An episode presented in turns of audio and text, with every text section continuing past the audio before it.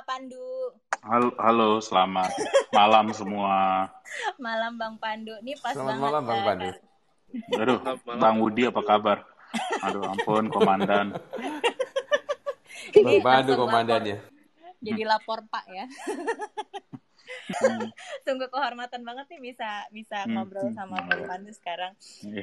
Maaf. Pertama Bang Pandu sering nggak sih main Clubhouse apa ini? khusus Ini em, Iya. eh, sebenarnya jujur agak jarang ya, tapi eh eh, ya ini udah lama banget, mungkin Januari kali saya terakhir main Clubhouse. Iya gitu kan loh, sempat udah lama. orang-orang sempat bilang udah berlalu kan masanya, tapi kita tetap kekeh mau kembali biar bisa ngobrol sama Bang Pandu. Enggak lah, nyantai aja, nyantai. Tapi eh, yang disukain apa dari Clubhouse? Hmm, ini sebenarnya yang mulai perusahaan ini eh, teman kelas saya di Stanford, si Paul Davidson. Kalau jadi dia yang bikin, tapi jujur karena di ini ya behavior orang Amerika sebenarnya adalah uh, suka mendengar. Jadi buku aja senangnya mendengar.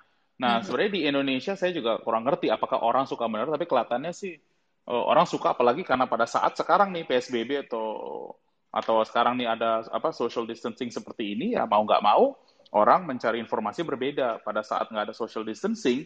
Saya juga nggak tahu, mungkin agak beda juga ya. Karena tapi kalau di Amerika, regardless memang orang suka mendengar seperti ini. Malah radio aja mereka bayar, ya kan, Mhm. untuk mendengar. Jadi menurut saya beli buku aja banyak kan buku audio. Jadi Clubhouse tuh memang kultur Amerika banget menurut saya. Mhm. Tapi cocok ya buat orang Indonesia ternyata banyak yang demen juga nih. Lumayan, makanya ini social experiment menurut saya. Seru-seru. Eh, eh, Mhm. ngomong-ngomong nih Pak Bernard baru datang dari IG Live di seberang tiba-tiba masuk Siap. ke Clubhouse. Selamat datang Pak Bernard. Ya, terima kasih Ori dan sekali lagi selamat datang Pak Pandu. Terima kasih Siap. bekerja sama dengan investor saham bahagia. Mudah-mudahan semua yang di sini bisa menjadi bahagia, investor yang sehat dan bahagia. Sehat selalu Pak. Pandu. Amin. Sehat terus. Seru. Amin. Oke, Bang Pandu, tema hari ini kan investing Attack on Titan style. Nonton nggak serialnya?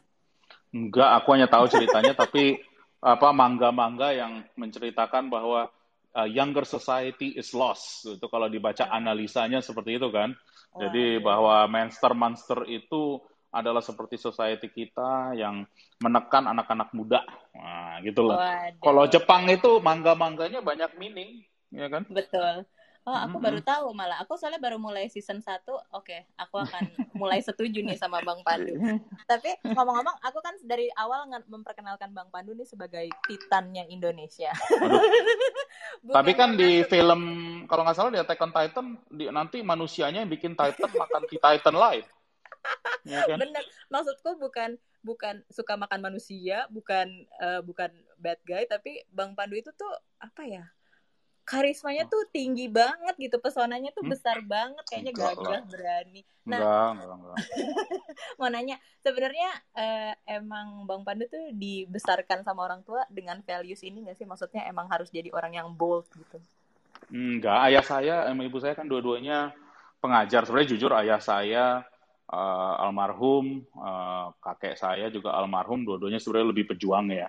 Oke. Kalau dibilang saya tuh lebih pecinta.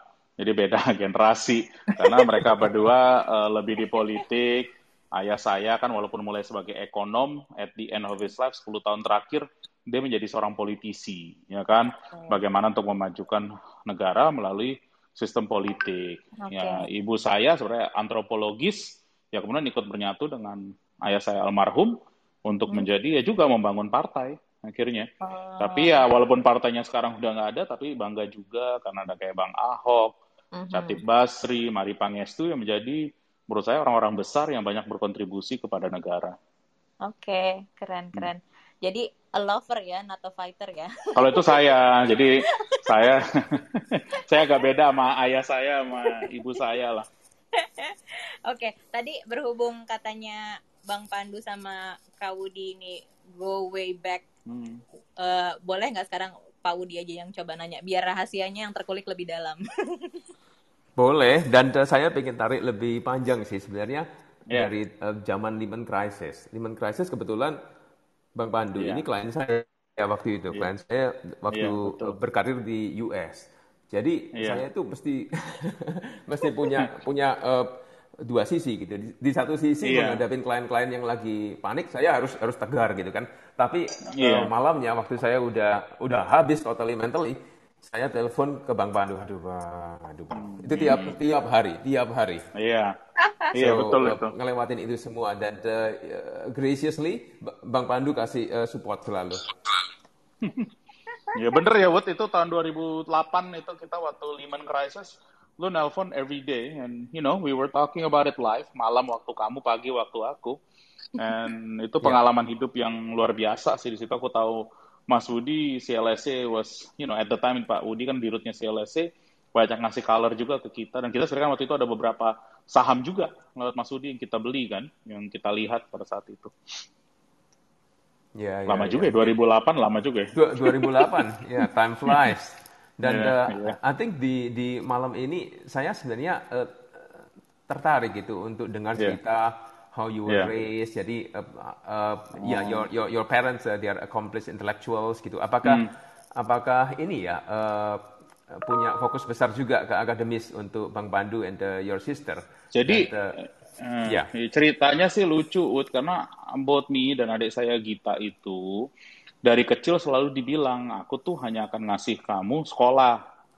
Nah Wow. waktu itu aku ingat nih tahun 2000 nih cerita bener 2000 2001 aku tuh dipanggil sama ayah ibu karena waktu itu dia berpartai kan dan buang uangnya besar. Bahasa saya buang uang bakar uang. Terus saya tanya ini ayah sama ibu ngapain ya? Kita gimana soal warisan? Pengen nanya nih. Gua gua college sudah mau tamat adik saya baru ini. Terus dia bilang Ndu git uangku uangku uang kamu uang kamu. Uangku aku bakar semua itu urusanku. Kamu udah aku kasih sekolah. Ya kamu cari sendiri dong aku udah ngasih kamu kail yang terbaik. Bodoh lah kalau kamu nggak bisa mencari ikannya. Jadi itu aku dek. Pertama-tama nggak happy. Gue bilang wah gila nih babe gue. Tapi habis itu aku bilang ya maybe it's time for me. Kalau betul dia serius seperti itu aku harus cari kerjaan cepet-cepet. Makanya aku cepet kerja.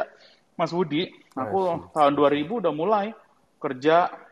Waktu itu investment banking dan akhirnya waktu aku business school pun aku beruntung banget dikasih beasiswa jadi aku dibayarin business schoolku sama employerku at the time jadi ya hasilnya harus mulai dari awal. Jadi waktu aku sama Mas Budi tuh, aku udah dibayar sama employerku, dia yang sponsorin MBA-ku, dia juga yang ngongkosin aku. Jadi waktu aku di business school, aku kerja sama sekolah barengan gitu loh. Karena nggak dikasih pilihan, jadi orang tuh kalau bagusnya kalau nggak dikasih pilihan tuh ya.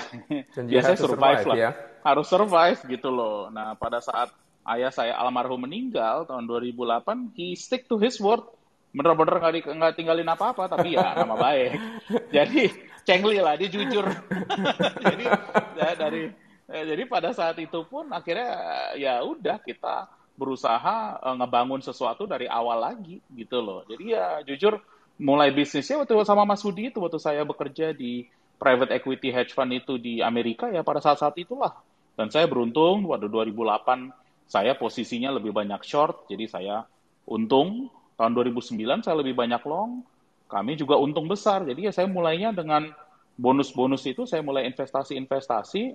Tahun 2010 pindah kan makanya kita connect lagi Mas. Budi untuk Ya. TBS ya waktu itu aku dealnya kalau kita bisa IPO TBS boleh nggak aku mulai investasi sendiri? Kasih aku bonus lah habis itu aku bisa invest. Ya itulah mulainya ini semua. Gitu loh. Jadi ya itu lah, 20 tahun dalam waktu satu menit Mas Budi.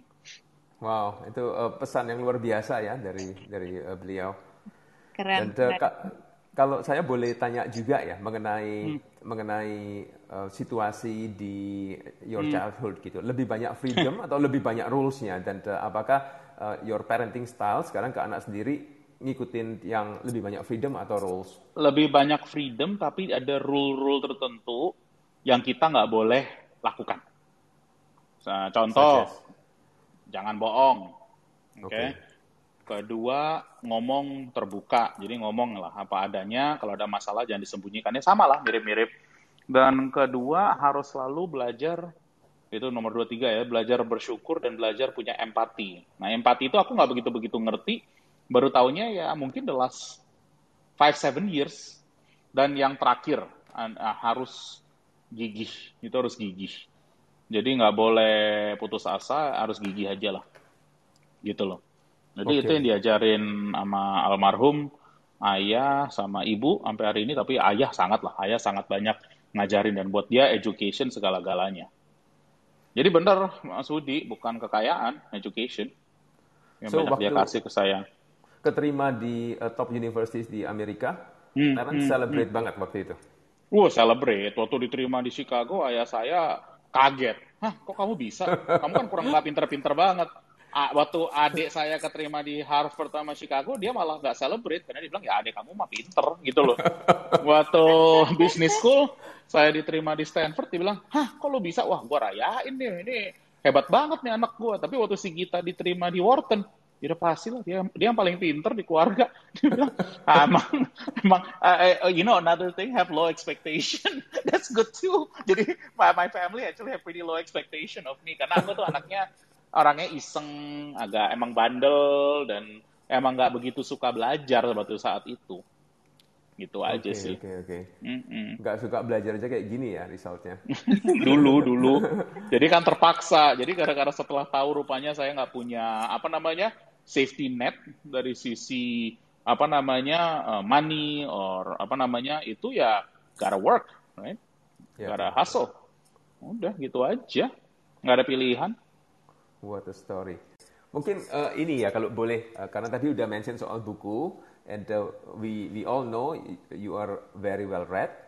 Mungkin kalau ada buku, publication atau blog yang bisa direkomendasikan ke audiens kita yang ke kepingin belajar berinvestasi atau Aduh, aduh, aduh, teknologi. aduh, aduh, aduh, aduh, aduh. Aku, aku, aku kalau baca, nih aku nih salahku ya. Aku udah kebanyakan baca research report, Bud. Nah, Jadi Oke. aku nih agak ini. Tapi aku suka sangat suka baca buku namanya Grit. Jadi kamu baca Oh. aja itu buku tentang grit, itu bagus. Sama aku juga suka baca, aku sekarang banyak baca nih, sorry bukan malah buku ya. Aku suka banyak baca buku ini, apa yang di di internet, ngaco ya gue ya. Eh, ada satu baca medium, gue suka baca Oh, medium. medium Oh, yang iya, blog iya. ya. Iya, Oke, oke. iya suka baca blog. Bener apa salah gue nggak tahu. ya, Tergantung kita pinter aja bacanya. Karena kan sometimes the reading that you read ini gini challenge also the way we think gitu loh. Betul. Ya.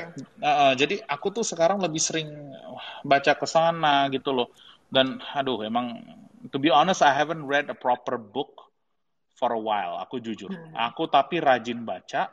Tapi banyak kan bacanya research report, baca medium tentang aset kelas yang lagi aku banyak pelajarin, which is uh, crypto, to be Oke. honest with you. Oke. Jadi aku tuh, waduh banyak banget deh. Setiap hari pasti I'll read something on it just because I need to know what this is about, ya kan?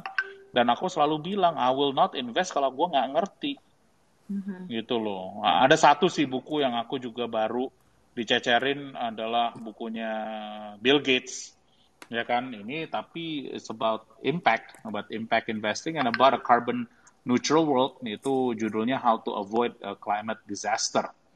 Jadi aku baca itu di ru- bukuku ntar aku kirim buat ke kamu. Ada aku ada 6 kopi. Thank you, thank you. So, uh, I- I- I'm reading it karena aku send ke ini, aku send ke seluruh direksi TBS. Wah, mau banget. Karena Thank ini you. buat kita baca, baru kita belajar where the world is going gitu loh. Tapi jujur aku jarang yang banyak baca, ya orang rumahku malah yang banyak baca. Hmm, ya kan? Jadi aku malah lebih banyak baca research report gitu loh. Ya, ya. Oke. Thank you, thank you. Mungkin eh, last question dari saya ya. Iya. Kalau boleh eh, share seberapa pentingnya aspek fisiologi atau olahraga dalam hidup eh, seorang Pandu Syahrir? Hmm, apa? Apa? Apa? So, apa? Pentingnya olahraga, pentingnya balance, pentingnya Harus dong. menjaga Oh, fisik ya. Eh, Gua walaupun gemuk-gemuk, gue setiap hari olahraga, bos. Aku will do either cardio, I will lift weights at least an hour a day. Kalau enggak, badan gue malah nggak enak, gitu loh. Mhm. Jadi, jadi ya eh, menurut aku tuh, aku pagi-pagi kalau selalu ngomong kan, siapa yang pernah nanya ya? I think you, you ask me. Aku pagi tuh ngapain sih, Duh? Gue selalu pagi ya pasti ngebaca, abis itu olahraga dulu sebelum gue Iya. kerja atau main handphone, ya kan? Jadi aku aku tuh sangat ya bangunnya jadi pagi banget sih jadinya. Tapi aku selalu olahraga gitu. Sebelum Dan olahraga- HP ya. Iya. Ya, karena penting bos, karena menurut aku tuh biar otak lo fresh dulu nih. Karena kalau HP itu kan nggak bisa dikontrol, bisa-bisa kadang-kadang negatif lah, urusan kalau sekarang pasti urusannya COVID lah, inilah dan I don't know why people love negativity so much, media love negative stuff so much. Bener. Uh, and you know, uh, kalau gue kalau no, misalnya kalau harus ngeliat HP gue yang positif positif dulu, yang lucu lucu dulu deh, baca yang receh receh ya nggak, ya nggak, uh, uh, Mbak Ori. Setuju, Kita baca setuju. sereceh receh mungkin, selucu lucu mungkin lah. Karena kalau baca yang negatif langsung ngedrop lo, gitu loh. Ya kan, and you cannot uh, avoid it Setuju gitu. banget, setuju banget. Tapi ini pertanyaan seru banget dari Pak Udi karena saya olahraga saya itu adalah tiap hari mantengin IG-nya, IG story-nya Bang Pandu kan. Jadi ngelihat Bang Pandu kardio gitu aku udah kayak berasa oh oke saya sudah. Enggak lah, gua kan aku aku kita postingnya lebih banyak soal cerita, sebenarnya lebih banyak entrepreneur entrepreneur kita, perusahaan kita Iya, iya, ngapain iya. lebih ke sana lah. Kalau gue yang olahraga waktu waktu lagi di luar apa lagi di Bali aja tuh kita Di Bali. Nah video. iya tuh Ah, waktu di oke. Bali aku nonton Itu sampai ngos-ngosan. sampai ngos-ngosan. Iya nggak apa-apa, it's okay. Itu tahu nggak Oke. kenapa? Biar inspirasi anywhere you always exercise dong. iya, Gitu. iya. Betul, Ya kan? Benar, benar, betul, benar. Hmm. Makasih. Kalau Mas Budi, lo tahu dong kan Mas Budi tuh kalau lo videoin dia punya IG, dia soalnya videoin body jago jago ini taekwondo. He loves mixed martial arts, man. So don't mess Iya. with him gitu loh. benar-benar eh, gaya bukan gaya dulu, investasinya dulu, dulu. aja yang MMA ya. Ternyata jago Ih, beneran. keren, keren, bos. Keren.